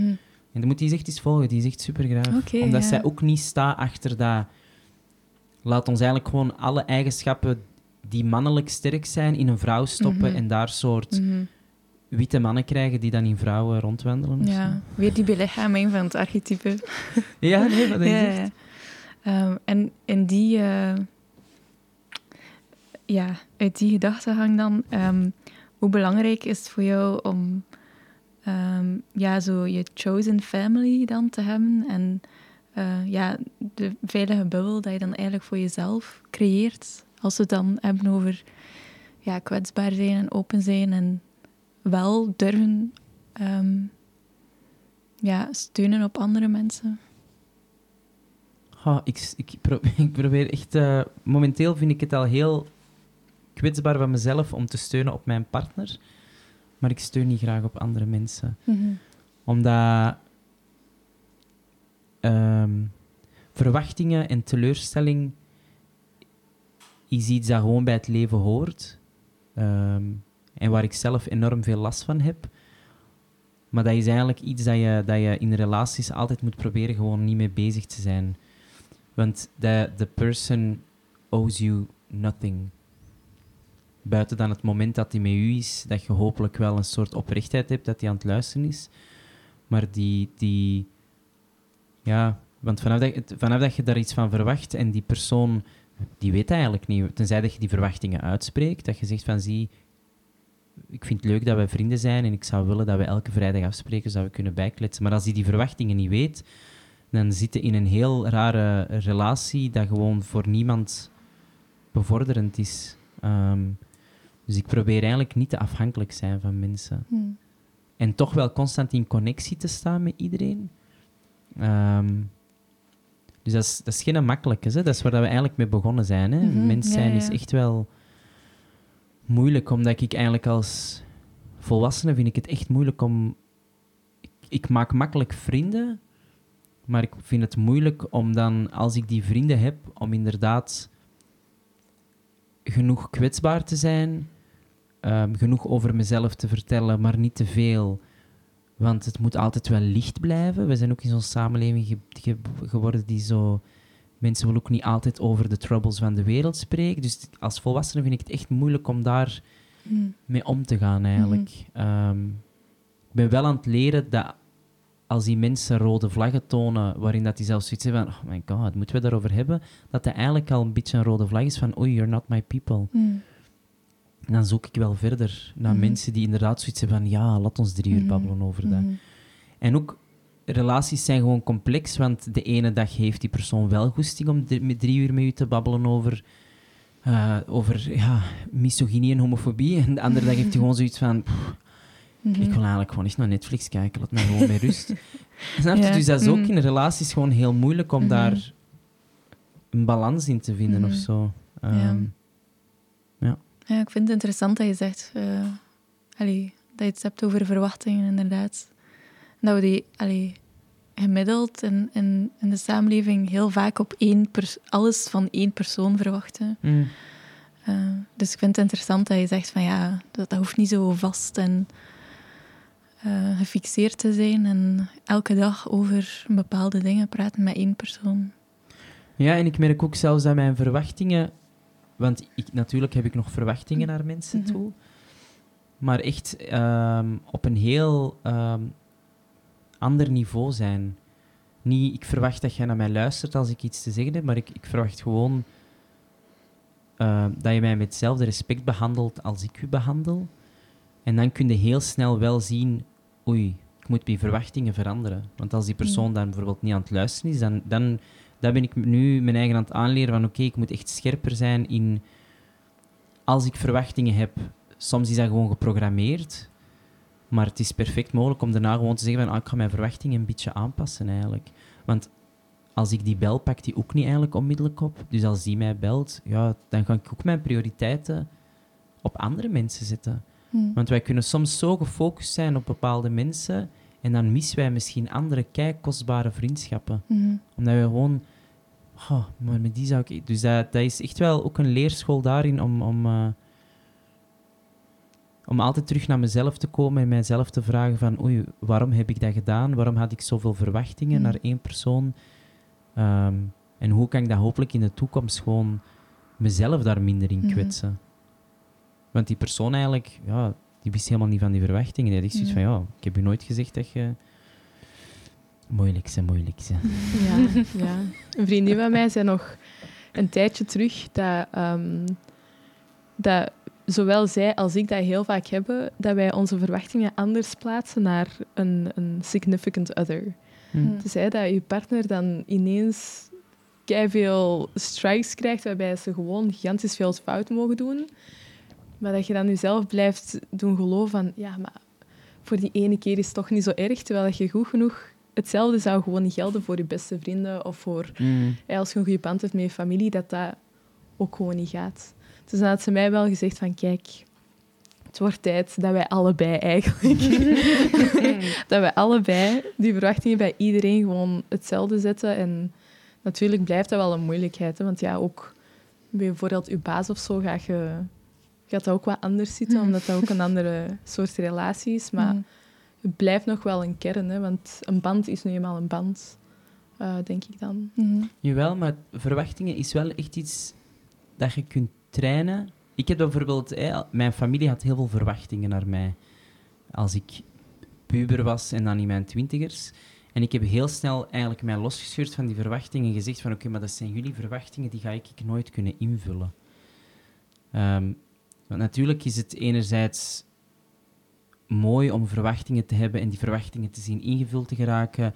Dat is een soort... eh, de ene... eh, dat is een soort horendes overvloed. Hè. Ik heb verwachtingen, jij vult die in en ik vul die van nu in. En, maar echt waar, Harmonie. vogeltjes, ja, vogeltjes en echt waar. Huppelen door de weide, hand in hand. Ineens een hele flashmob. En Maar that shit's not real. dus dat, dus dat, dat, dat- want sowieso, vanaf dat er verwachtingen zijn, is er teleurstelling al. Dat, is, Mhm. dat, is bijna, dat komt gewoon bijna hand in hand. Want gelijk bij mijn familie, die hebben verwachtingen. Ik zeg, ja nee, dat is jullie verwachting. Ze hebben teleurstelling, want ze voelen, die, voelen dat ik die verwachting eigenlijk zelfs gewoon bewust doorbreek. Hetzelfde in relaties. Je geeft verwachtingen dat als ik thuis kom, zou ik dat wel fijn vinden dat op zijn minst dat dan gedaan is. Ja, die persoon weet dat niet. Dus dat is ook... Ik denk dat dat, dat, dat kan, die harmonie en vogeltjes, als er communicatie is. Eh, gisteren had ik het er ook nog met een vriend over. Zo, er wordt te veel gepraat, maar er wordt niet, er wordt niet dialoog gevoerd. Mhm. Mensen zijn niet aan het praten met elkaar. En in, in een relatie ja, is dat echt belangrijk, want anders trekt de conclusies. Ik ben al blij dat ik tenminste één relatie met mijn partner zwaar hè. maar dat is echt moeilijk, want dat betekent eigenlijk dat je dan... Want dat is weer verwachtingen, hè. Als ik tegen u eerlijk dit zeg, ja, hoe, ga, hoe gaat jij verwachten dan dat ik reageer? Gaat die misschien... Dus dat is, relaties is echt gewoon... Is echt moeilijk. Echt Mhm. waar. Ik vind dat, dat wij Mhm. dat ook gewoon mogen, mogen toegeven. Mhm. Want dat, dat, ik denk dat dat ons dikwijls tegenhoudt. Dat wij inderdaad gewoon denken van, ja, nee, ça va, dat valt dat wel mee. Denk je, ja, Mhm. nee, dat is echt moeilijk. Want vanaf de eerste keer dat je iemand ontmoet, vanaf dan bouwde eigenlijk die relatie op. Dus als er onduidelijkheid bestaat, dat blijft het dragen. Dus dat kan soms ook iets heel ingewikkeld Mm. worden, omdat je niet weet van, huh, heeft hij nu iets tegen mij? Klopt dat niet? Hm. Dus dat is, dat is echt gewoon iets heel... Dat kan iets mooi zijn, maar dat kan soms ook echt gewoon echt heel vermoeiend zijn, merk Ja. ik bij mezelf. Ja, ik denk dat er dan zo heel veel onuitgesproken verwachtingen meespelen. Gewoon door de norm Mm. van als, wat dat er verwacht wordt in de maatschappij. Als je een relatie, eigenlijk gelijk welke soort relatie aangaat met iemand, dat dan een bepaald ehm, ja, patroon heeft Mm. en logische gevolgen. En als je dan zo lang samen bent, dan ga je samenwonen Mm. en dan trouw je en dan maak je kinderen. Zo gaat Ja. het. En dan ooit ga je uiteindelijk naar Benidorm met pensioen. Dat is echt zo het, het beeld dat ik heb in mijn hoofd. Dat is echt, ja... ja Gran Canaria is wel leuk. Is zo'n ander Canarisch eiland. Ja, want op zich ben ik er niks mis mee. hè. Beetje vele oude bevolking. maar- Eh, ja, ik denk, ja, dat is waar, verwachtingen. Ja, nu zijn we bezig over verwachtingen. Dus ik ga even de smooth transition maken naar COVID. Oh. En, en alle verwachtingen daarbij. Ah. Ehm, goh, ja, COVID heeft gigantisch veel dingen aan het licht gebracht. Ja. Ehm, maar als we dit dan in connectie maken met het, het overall onderwerp van, eh, of het, het thema van deze aflevering, mentale zorg, merken wij ook wel op dat er opnieuw weer eh, dat bepaalde problemen of bepaalde zaken aan de gang waren, dat die versterkerd zijn geweest. Hm. Ehm, veel meer mensen hebben een glaasje extra gedronken. Ehm, de zelfmoordlijn kreeg 35% meer telefoontjes Mm. in 2020 tegenover het jaar daarvoor. Ehm, en ja, de wachtlijsten voor psychologische hulp blijven gewoon immens lang. Mm. Ehm, en zoals we al hebben gezien, Muziekcentrum Trix, ehm, Mhm. waar jij ook soms eh podcasts voor maakt. eh, ze hebben een tijdje geleden een initiatief opgestart, We Should Talk. Mhm. Um, waarbij dat iedereen dat in de muziekindustrie werkt um, en dat tussen 18 en 30 jaar oud was, specifiek, konden zij voor een heel betaalbare prijs uh, oproep doen naar individuele sessies voor, ja, om te spreken met psychologen. Um, dat waren dus Tom Hannes, Michael Verschaven en Eve Lommelen. Um, ik moest daar zo even ineens aan denken. Van stel je voor dat ik nu muziek zou maken in een ideale wereld. Oh, bent toch een ambitie? ik heb mezelf vroeger nog opgenomen en het is, het is echt niet... Nee, ja. maar um, ja, om het even wat serieuzer te maken... Um, ja, ik, het is... Psychologische hulp krijgen is al één ding, Hm. maar om echt ook psychologische hulp te krijgen dat ook past bij uw noden, is nog een ander. Mm. Um, nu, toen ik die drie profielen zag, moest ik ineens denken van... Wat als ik mezelf niet vind bij het aanbod dat is gecreëerd? Um, en ik had ook nog wat aller, allerlei andere vragen, maar dan was vooral mijn eerste vraag toch voor u. Um, wat vind je van zo'n initiatieven? En ook heeft dat een beweging gebracht binnen de muziekindustrie? Maar ik vind zo'n initiatieven fantastisch, omdat je alles wat uit de taboesfeer wordt gehaald, is goed. Want dat is een groot taboe. Um, vroeger werd er gewoon niet... Want eigenlijk is dat ook spreken over je emoties en over je gevoelens en over je gedachten. Um, en dat is iets dat wij gewoon te weinig hebben gedaan in het verleden. Weet je... Uh, ik denk dat er vroeger geen tijd voor was. En dan op een bepaald moment was het ook gewoon... Daar wordt niet over gesproken dat dat ook gewoon een soort bijna norm was. Van, allee. Um, en ook wat er dikwijls gebeurt zelfs, als ik zie naar zo mensen met een islamitische achtergrond, van ja, je moet dankbaar zijn. Zo van, weet je, je kunt, je kunt zo, als je depressief bent of je, hebt uh, mentale problemen, zo van ja, maar zeg dankbaar dat je wel een huis hebt. Zeg dankbaar dat je wel... Dus er worden dikwijls heel makkelijke oplossingen gezocht voor um, mensen die echt wel gewoon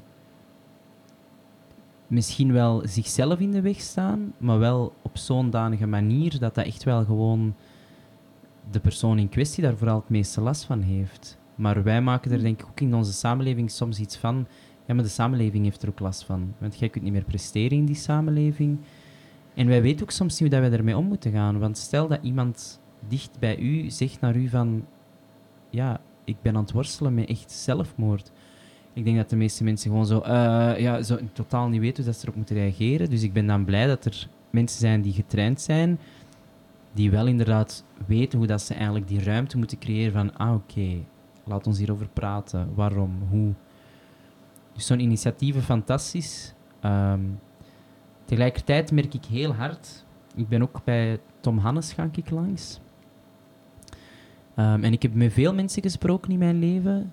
Uh, therapeuten, psychologen, maar zo verder. Maar wat ik zelf bij Tom Hannes heel fijn vond, is dat ik...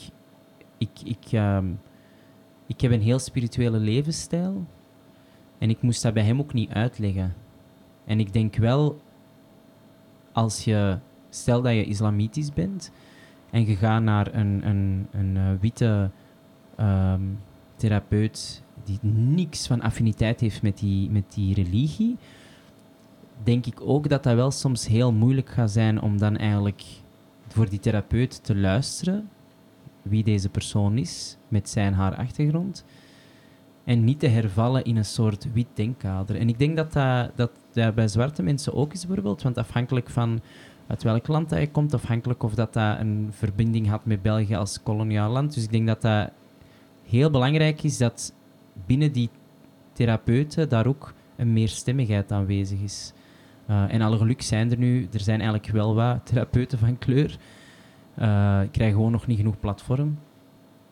En dat is heel belangrijk, want ik heb dat bij die Tom Hannes nu gevonden, omdat hij ook met zijn boeddhisme bezig is.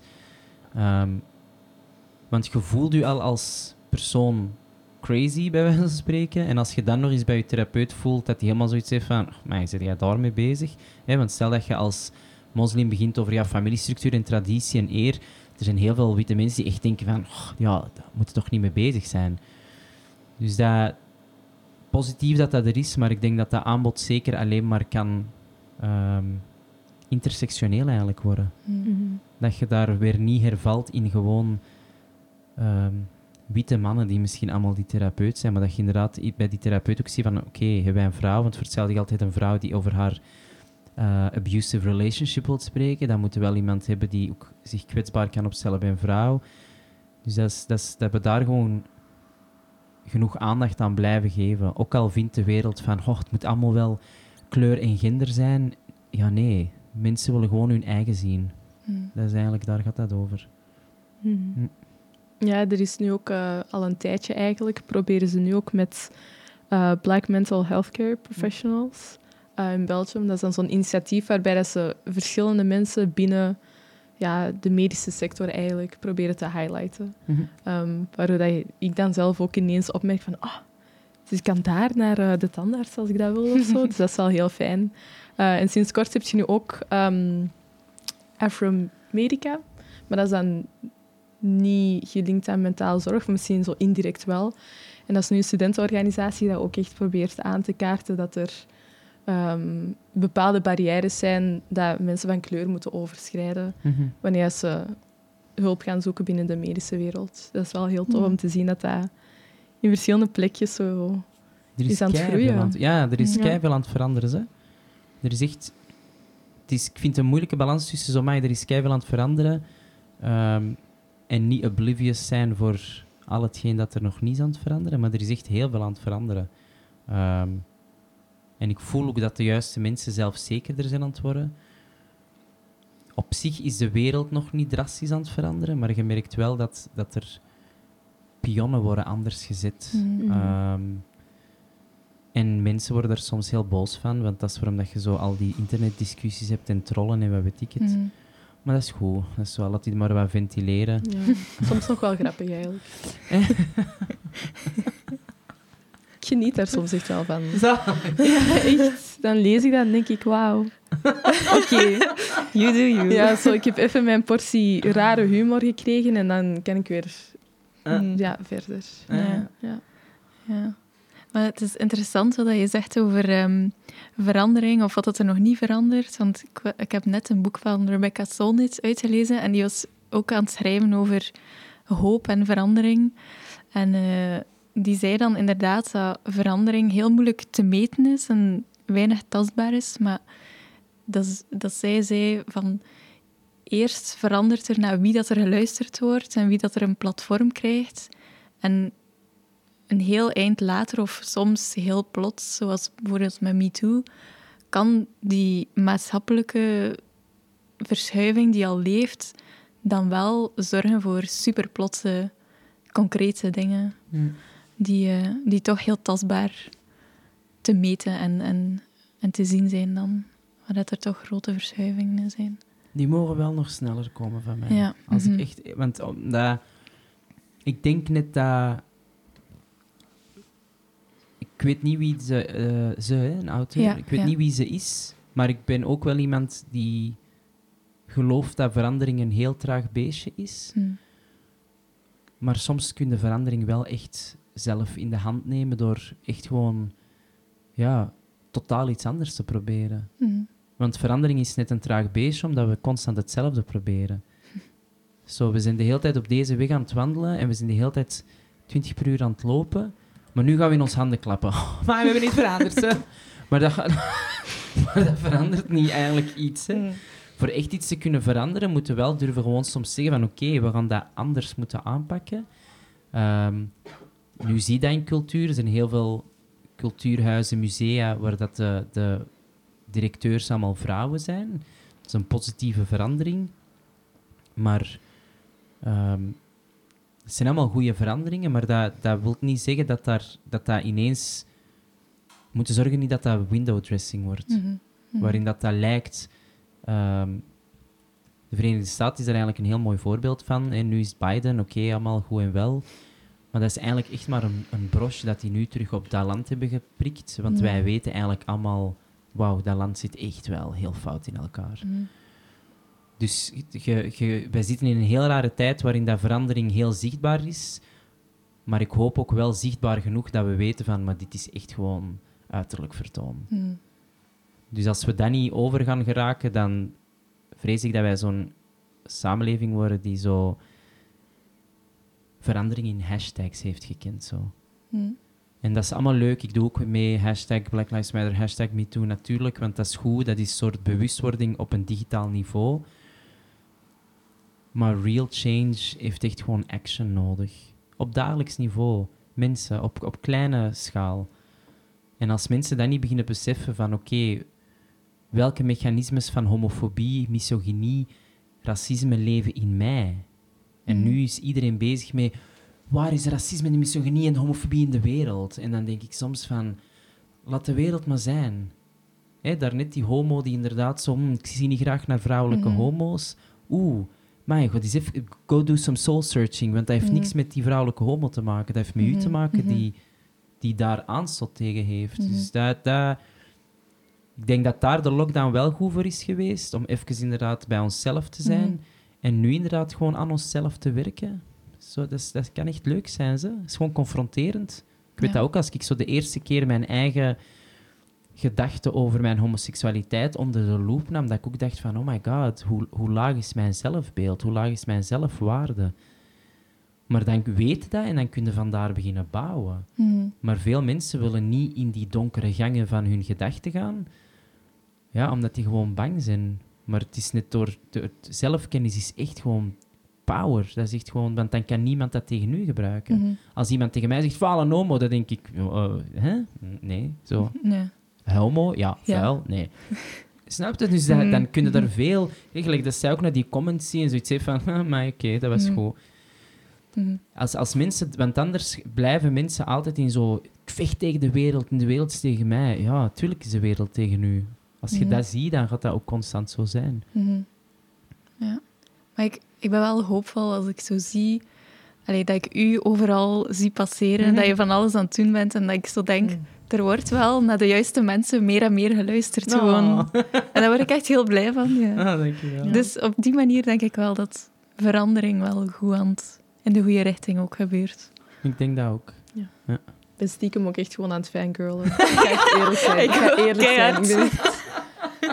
En zo om de zo'n minuten denk ik, maar... Ja, wat zit hier gewoon echt? Ja. en ik ook in dezelfde ruimte. Ehm, ik ben nu even aan het zien naar de tijd. We zijn echt al wel even bezig. Het is super interessant, ja. Ik ben ook echt... Ik kan niet, ik kan niet kort antwoorden. Maar het is niet dus erg. voor de Dat is luisteraars perfect. onder jullie... Onze excuses. ik hoop dat jullie er nog van Hang aan het on there. genieten zijn. Ehm, goh, ja, ik wou ook nog eh, even kort nog wat een beetje terugtoetsen Mhm. naar eh mentaal welzijn. Ehm, goh, je werd al eerder een beetje bezig over hè, je, je faith system. Ehm, en de vraag was ook eerder, speelt dat een actieve rol binnen je mentaal welzijn en hoe dat je daarmee omgaat? Fate als in geloof, hè? Ja, nee, ja, hè? faith, geloof, system, hè? Ja, ja. Ja, Ehm, ja, maar ik ben eigenlijk wel blij. Want ik denk dat ik eigenlijk zo... oh, van mijn 20 tot mijn 25 was ik helemaal niet bewust van hoe mentaal ik fucked up eigenlijk was. Omdat ik, dat je dan, omdat ik eigenlijk nog te jong was en te hard gewoon blij was dat ik weg was van thuis. En gewoon zo mij stortte in het uitgaan en trouwen en een hond en kopen. En gewoon eh, tegen eigenlijk 500 per uur was aan het leven, waardoor ik eigenlijk niet door had wat ik aan het doen was. Ehm, nou, van mijn 5 tot mijn 28ste, dan, dat was echt wel zo de meest depressieve periode met, met zelfmoordgedachten en echt gewoon, ehm, ja, gewoon niet goed in de wereld staan en, en ook de wereld heel vies en raar bekijken en heel veel haten vooral. Dat was echt zo, ik was één haten, hatend, wandelend iemand. Ehm, en het is eerst door echt gewoon yoga te doen eigenlijk, dat ik eigenlijk do- dingen heb voelen bewegen in mijn lijf en al die opgekropte emoties ben beginnen loslaten. Ehm, dat dat eigenlijk eerder zo die eerste stappen waren naar, naar toch een betere mental health. Die fate is er pas achteraf bijgekomen, ehm, doordat ik eigenlijk gewoon terug interesse had in van oké, als ik zeg dat ik in niks geloof, dat kan eigenlijk niet, want ik geloof wel in... Want ik begon terug te geloven in, in de goedheid van mensen. Want omdat ik bij mezelf terug al die haat was aan het wegkrijgen, mijn, haat, mijn zelfhaat, mijn haat naar mijn familie, mijn haat naar de islam, mijn haat naar, naar, naar alles dat tegen mij was, begon weg te krijgen en begon te beseffen van, ah oké, dat, heeft niks met, met mij te maken. Ehm, ik heb gewoon deze heel complexe identiteit. En dan echt de liefde begon te zien van mensen. Dus terug geloofde in goedheid in mensen. Dat ik eigenlijk moest toegeven van oké, als ik geloof in goedheid, dan geloof ik wel in niets. Maar waarin geloof ik dan? Boeddhisme beginnen lezen, eh, hindoeïsme, daar echt heel veel in beginnen duiken. En dan op een bepaald moment gewoon beginnen echt vragen eigenlijk. Ehm, en echt gewoon van oké, als, er dan een God is, ik, en als ik dan bijvoorbeeld advies nodig had voor iets. Maar dat was ook een periode dat ik, ja, ik ging dan juist terug naar mijn vader, dus 29. En maar over verwachtingen, ik had al zoveel verwachtingen bij vrienden gelegd eigenlijk. En mijn vrienden waren al half mijn therapeuten, dus na een tijd had ik echt zoiets van, oké, it's me, myself and I. En ik zou wel gewoon in mijn studio, was dat toen, vragen aan wat daar ook is, van what the fuck moet ik doen? Zo, en kun jij mij er gewoon... En ik kreeg echt op den duur echt wel zo nudges. Ehm, en ik vind dat soms altijd grappig om erover te spreken, omdat ik dan altijd denk van, aan mijn mensen denk ik keihard, ik ben aan het flippen. Omdat dat echt... En dat staat dikwijls echt in gewoon heel stomme dingen. En natuurlijk, ofwel maak ik dat groter, van oké, this is God. Wat ik dan ook soms wel doe. Ofwel zeggen ze van, ja nee, dit is gewoon toeval, serendipity, wat maakt het uit, geef het kind een naam. Maar voor mij werkte dat wel om gewoon wel terug God te gebruiken als woord, omdat ik daar zelf ook zoveel slechte connotaties had gebouwd, terwijl ik dacht van, maar eigenlijk is dat jammer van dat woord, want mensen zorgen dat er iets niet goed of zo gebeurt. En nu ben ik echt wel iemand die echt wel toegeeft dat mijn fate in God echt wel terug heel, eigenlijk terug eigenlijk nooit zo groot als nu is geweest. Want ervoor is mij God aangeleerd, waardoor dat ik dacht van, ik dat maar een rare God. Hè. Dan heb ik God gehaat, waardoor dat ik ook niet echt... En pas op later leeftijd heb ik zoiets ah, maar ik kan eigenlijk zelf invullen wat God is. En dan wil ik dat invullen met echt gewoon positieve dingen en goede gedachten en andere mensen. Want als God levenskracht is, dan leeft hij ook in u en leeft hij ook in u. En dat, dat helpt mij enorm in mijn leven, omdat ik daar wel gewoon echt, niet als een soort houvast, maar wel als een soort ehm, bescheidenheid geeft. Van, Ehm, ik heb ook geen ouders meer, bijvoorbeeld. Mijn beide ouders zijn gestorven. En waardoor ik echt weet van, oké, je komt alleen op deze aarde, je vertrekt alleen op deze aarde. Dus die fase hiertussen ook, wetende dat er zoveel ongelijkheid in de wereld is, wil ik niet zorgen in mijn relaties dat ik ook ongelijkheid creëer. Terwijl dat er soms is, hè, maar dan heb ik liever toch een soort basisprincipe dat ik zeg van, er is maar ene boven ons en die zien we niet. Voor de rest zijn wij allemaal gewoon stront en darmen. Weet je wel? Ja, maar dat is...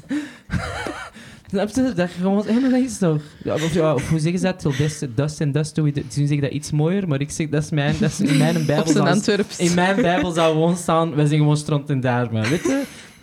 Terwijl dat je zeker die trotsheid mocht hebben van je, van uw accomplishments, maar tegelijkertijd hoe dat je in relatie met mensen staat, we zijn allemaal gelijk. We zijn, probeert mensen daar gewoon in, eh, in tegemoet te komen. En dan is God daar voor mij wel een goeie in geweest, al zien van, ah ja, ehm, ik, ik, ik ben maar deel van iets groter en ik weet niet wat dat is. Dat is eigenlijk mijn geloof. Ehm, tegenover veel geloven die nu in de wereld bestaan. Vanaf dat iets in een te duidelijk vakje wordt gezet, dan word ik er sowieso al zo... Ah, dan begin ik al echt een beetje te cringen van... Want iedereen kijkt anders naar de wereld. Dus je kunt niet dezelfde religie hebben voor iedereen. Ik denk, daar is het echt fout gegaan eigenlijk. Vanaf dat wij geloof wilden vastpakken en zeggen van oké, wij gaan dit allemaal doen. Dat ik, ik denk dat dat voor iedereen anders is. Ja. Wie weer zo'n lang, lang antwoord. Hè? Maar wel een mooi antwoord. Mhm. Ja. Moeite waard. Een beetje hetzelfde als... de- Allee, niet hetzelfde. Maar vergelijkbaar hoe dat je tegenover gender en die invulling daarvan staat dan eigenlijk. Ja, eigenlijk wel. Hm. Ik denk dat het allemaal heel fluïde is. Hm. Ik denk dat... Ik heb dat ooit gelezen, maar ik ben het vergeten. Op een dagelijks niveau eh, veranderen zoveel cellen op een bio... eh, Mhm. Dus dat ook bijvoorbeeld veel mensen die niet geloven in verandering en die geloven in stilstand en die geloven in dat is zo en dit is zo en dat is zwart en dit is... Dat, dat, dat, dat is eigenlijk gewoon metafysisch niet mogelijk, want Mhm. ons lichaam is constant zich aan het regenereren. Het is Mhm. constant aan het veranderen. Door wat dat wij eten, door wat wij in ons mond zitten. Allee, dat, is, veel groter dan Mhm. ons. Dat lijf doet dat ook eigenlijk allemaal zelf. Hè? Mhm. Dat is waarom dat wij dikwijls zo die bescheidenheid... Waarom is dat valse bescheidenheid? Omdat er is al... Wij zijn al te vol van ons eigen eigenlijk. Want ons lichaam staat op van zichzelf. Dat, dat doet dat allemaal vanzelf. Ik bedoel, het enige dat wij doen is inderdaad als we echt iets ons willen aanleren, als we iets in de wereld willen brengen. Maar heel veel kleine dingen die wij op een dagelijks niveau doen, we take it for granted, omdat wij gewoon, ons lijf doet dat voor ons. En ik denk dat dat misschien is nu met lockdown en corona, waarin dat veel mensen echt bang zijn. Dat is de eerste keer dat heel veel mensen met de dood worden geconfronteerd. Ehm, wat beangstigend is, hè? geloof Mhm. mij. Ik weet dat dat mega beangstigend is. Maar dat is ook echt heel, dat kan u echt heel mooie inzichten geven. Mhm. Om anders naar mensen te kijken, om anders in de wereld te staan. En om echt te beseffen dat het leven is eigenlijk echt heel kort. Dus doe eigenlijk gewoon wat je graag wilt doen, zonder te veel mensen te kwetsen of zo. Ja, echt waar. Ik spreek uit ervaring. ik kan dat eigenlijk ook wel zeggen zo. Ik spreek uit ervaring. Zie, daar heb ik een wandelstok gekocht. Hè? ik word echt zo de onkel zo. Ah, een onkel Jawet. Om dat ook uit te stralen. Zo. Dus Ik spreek uit zei- ervaring. Mijn vriend zei ook zo, om zo dan ook zo als een oude, Ah, ja. oude Ja. zo vrouw zo ah, naar de wereld. Als de zo. bus zo wegrijdt. Ja. Of hoe heet die van de Simpsons? Grandpa Simpson. Zo. Mm. Ja. Eh, ja, wij zijn eh, stiltjes aan aan het einde gekomen Mhm. van eh, een zeer fijn gesprek. Ik vond het ook echt heel fijn. Ja. Ja. Eh, we hebben nog twee korte vragen. Mhm. De ene is, is er nog iets dat te vermelden valt? Of, of iets waar, waarbij je denkt, dit moeten mensen sowieso nog weten? Het hangt er vanaf wanneer gaat het online. Surprise! Nee, ik weet het niet. Ehm, ik weet het niet van buiten. Want ja, Subiet zeg ik zoiets over volgende week en hoorde die dat in september.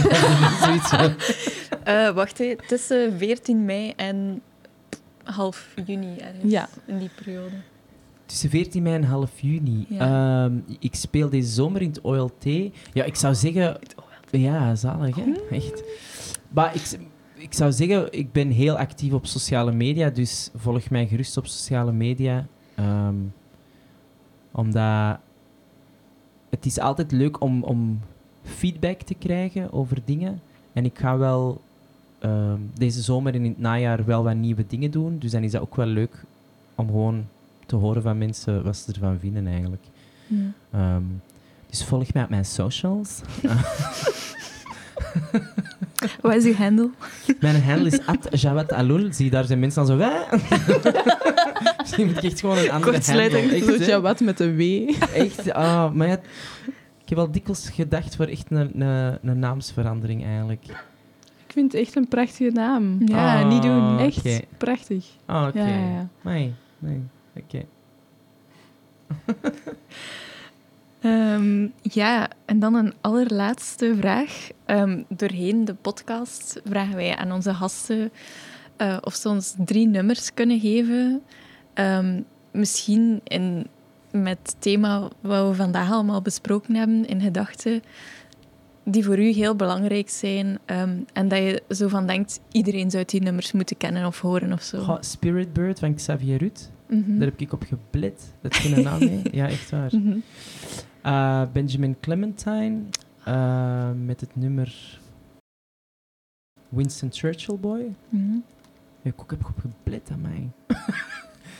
Winston Churchill Boy is echt, dat is, dat is, als Benjamin Clementine dat zingt, dan denk ik echt van, he's talking at me. Mm. Kennen ze van die liedjes? Ja. En dan als derde, oh, wacht hè, aangezien dat ik al twee van die diepe soul search, wacht hè. Ehm, Je mag ook zeker een van je nieuwe liedjes droppen. ba- ah ja, Shameless zelfpromotie, echt toegestaan. dan zou ik Hard to Love pakken, omdat dat ook echt wel gaat over, ja, over Elvis, waar ik gewoon mijn eigen keihard in, eh, niet Elvis Presley, hè. Ehm, Elvis, een, een eh, thuisloze verslaafde, eh, waar ik mijn eigen echt wel heel veel in herkende. Ik hoor wel van mensen, vind ik echt vind ik een zot compliment.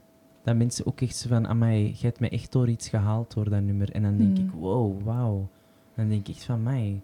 Zie, dan mocht je echt niet bescheiden zijn. Nee. Snap je? Nee, Want nee, dan nee. zouden ze, ja, maar ja, dat is maar een nummer dat ik heb gemaakt. en, ik zo- en dan heb ik zoiets van, nee, You did that. Ja. Mij. Toen heb ik ook geblit toen dat ik dat nummer was aan het schrijven. Fucking hell.